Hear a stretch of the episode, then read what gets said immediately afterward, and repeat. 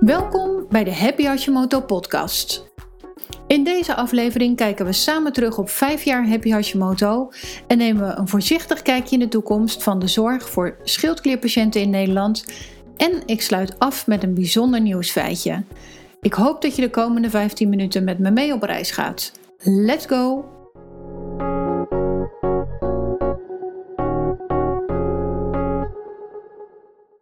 27 augustus 2017. Vandaag precies vijf jaar geleden dat ik om 10 uur ochtends een afspraak had bij de Kamer van Koophandel in Den Bosch. Een kwartiertje later liep ik naar buiten en was Happy Hashimoto een feit. Of eigenlijk Hashimoto Nederland was een feit. Nederlands eerste praktijk exclusief voor mensen met de ziekte van Hashimoto. Ofwel mensen met een trage schildklier.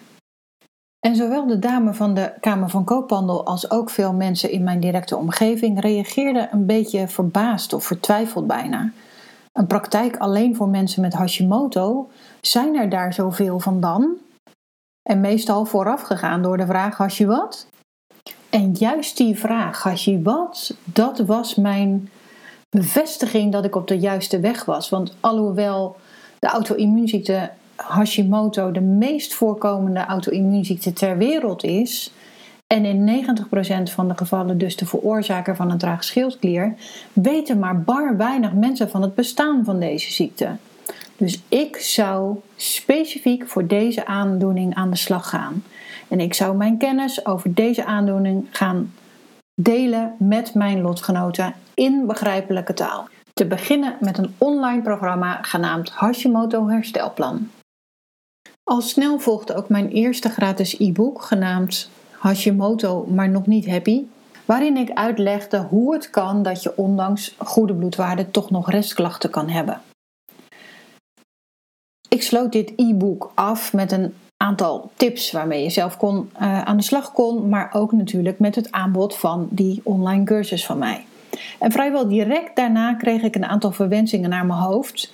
Dat ik geld probeerde te verdienen over de ruggen van zieke mensen, schandalig. Nou, er ontstond een hele discussie op Facebook met voor- en tegenstanders. Ehm, en met één tegenstander heb ik toen contact gezocht om helder te krijgen wat nou precies het pijnpunt was, waardoor er zo heftig werd gereageerd. En dit bleek hem vooral te zitten in de naam Hashimoto Nederland. Want die naam uh, deed eh, vermoeden dat ik een patiëntenvereniging was en ik dus geen geld mocht vragen voor mijn diensten. En eerlijk gezegd gaf ik ze daar groot gelijk in. Natuurlijk is dat uh, een verwachting die je niet wil wekken. Want alhoewel Hashimoto Nederland voor mij een hele uh, ambitieuze titel was, zo van ik ga Hashimoto op de kaart zetten in Nederland, had het inderdaad wel een beetje een ja, een patiëntenvereniging zweem erover hangen. Dus ik heb dan ook niet heel lang na hoeven denken om mijn naam te veranderen naar Happy Hashimoto. Dat was eigenlijk sowieso vanaf dag 1 al mijn favoriete naam geweest. Maar had het om de een of andere uh, reden toch gelaten voor wat het was en was gegaan voor Hashimoto Nederland. Nieuw logo, nieuwe social handles, nieuwe uitingen, aanpassingen van de naam bij alle officiële instanties. Nou, het had heel wat voeten in aarde, maar uiteindelijk klopte het veel beter bij wie ik ben, waar ik voor stond. En het was ook duidelijker voor de doelgroep.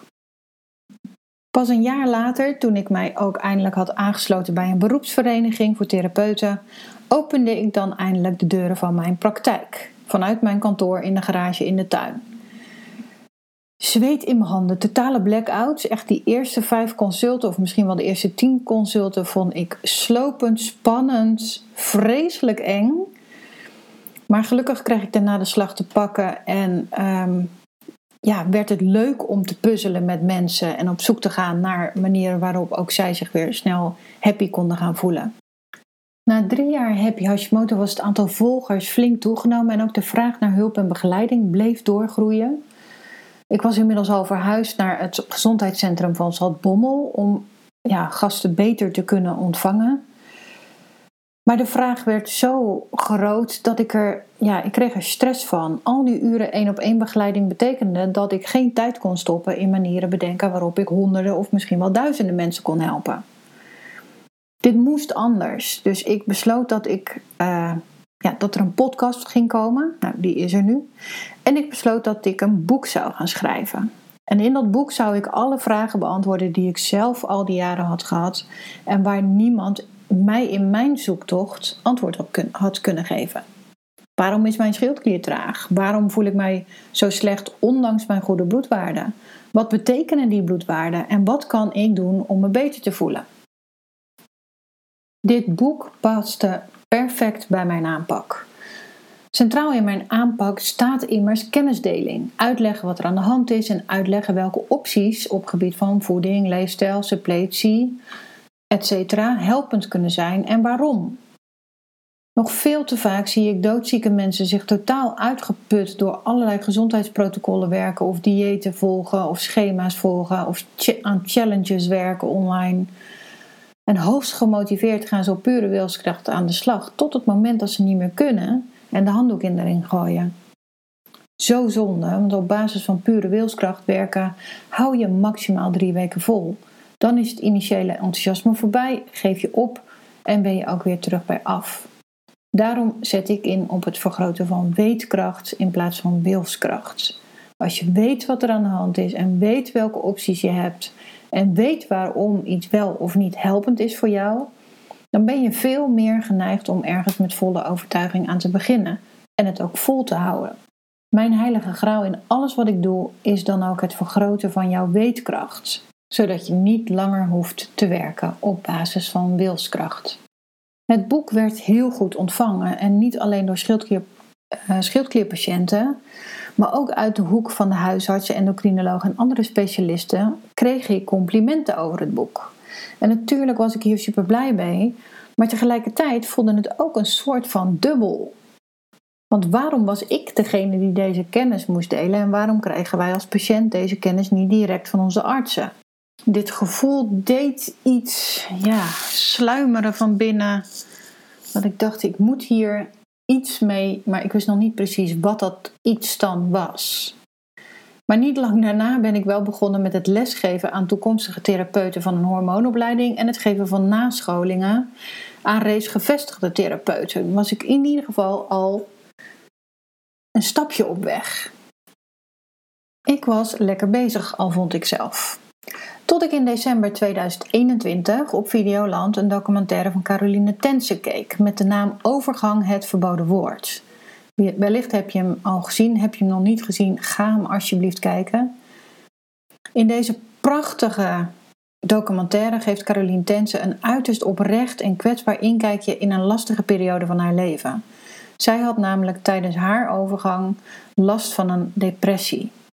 En dit onderwerp is zo mooi en zo puur in beeld gebracht dat het echt een boeiend inkijkje in het leven met deze aandoening geeft.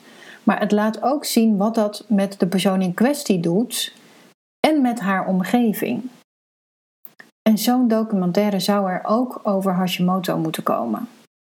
Maar ja, zou er moeten komen. Kijk, als ik dat echt wilde, dan zou ik dat dus zelf moeten gaan realiseren. Maar er knaagde nog iets aan me. Ik was druk bezig met het delen van kennis aan lotgenoten en collega-therapeuten. Maar dit alles voelde nog steeds als ehm, ja, dweilen met de kraan open. Die kraan moet dichtgedraaid worden. Er moet iets veranderen aan de basis, bij de huisartsen en bij de begeleiding door de specialisten. Hier moet al direct gecontroleerd worden of die trage schildklier veroorzaakt wordt door een auto-immuunziekte, ja of nee. En ook hier moet dan direct de juiste informatie doorgegeven worden aan de patiënt. Wat betekent die aandoening en wat betekent het hebben van een auto-immuunziekte? En wat zijn dan de mogelijkheden voor jouw eigen actie, jouw eigen inbreng en jouw eigen verantwoordelijkheid op gebied van voeding, leefstijl, mindset? Op dit moment staat in de patiëntenbrief die je krijgt bij de diagnose trage schildklier, en ik lees hem even voor. Meestal komt dit door de ziekte van Hashimoto. U kunt hier zelf weinig aan doen. U zult, medicijnen moeten innemen waardoor u weer genoeg schildklierhormoon krijgt. Punt. En aanvullend in de, uh, staat in de schildklierrichtlijn voor huisartsen dat zij de patiënt moeten voorbereiden op het feit dat voor sommige mensen die restklachten van een trage schildklier er nu eenmaal bij horen.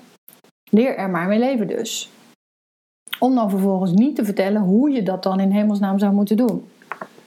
Ook dit zou anders moeten. Kortom, van het een kwam het ander en niet heel veel later was het zover. Dit keer had ik geen afspraak bij de Kamer van Koophandel, maar bij de notaris.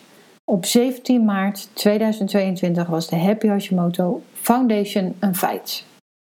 Met deze foundation ga ik en de ziekte van Hashimoto landelijke bekendheid geven en ga ik samen met mijn raad van advies aan de slag om zorgprofessionals van informatie te voorzien waarmee zij hun Hashimoto-patiënten beter kunnen helpen. In mijn raad van advies zit een huisarts, een endocrinoloog en een lotgenoot. En samen zetten wij de lijnen uit om dit in de toekomst te gaan bereiken.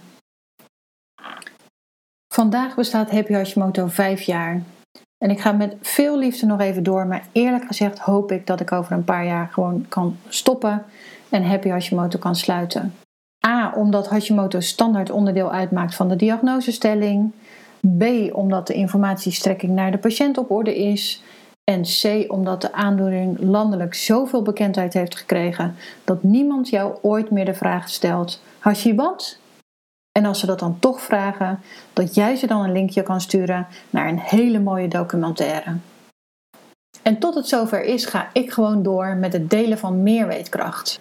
Op 18 oktober aanstaande, op Internationale Menopauzedag, komt mijn tweede boek uit met de titel Met een trage schildklier de overgang door. Met daarin alles wat je moet weten om met je trage schildklier happy en vitaal ouder te worden. Want dit is ook weer zo'n onderwerp waar wij als patiënt totaal niet over worden voorgelicht. Terwijl het hebben van een trage schildklier toch echt invloed heeft op de overgang. En niet alleen op de overgang, maar zelfs ook op de gezondheidsrisico's na de menopauze. Dit boek, dit tweede boek, wordt wat mij betreft dan ook verplicht leesvoer voor elke vrouw van elke leeftijd met een trage schildklier. Vandaag is een perfecte dag voor het starten van de pre-order voor dit boek. Jij bestelt jouw exemplaar via www.hashimoto.nl. En voor alle mensen die het boek nu al als pre-order bestellen, heb ik nog een leuke tombola met daarin vijf van mijn favoriete producten waar je direct kans op maakt.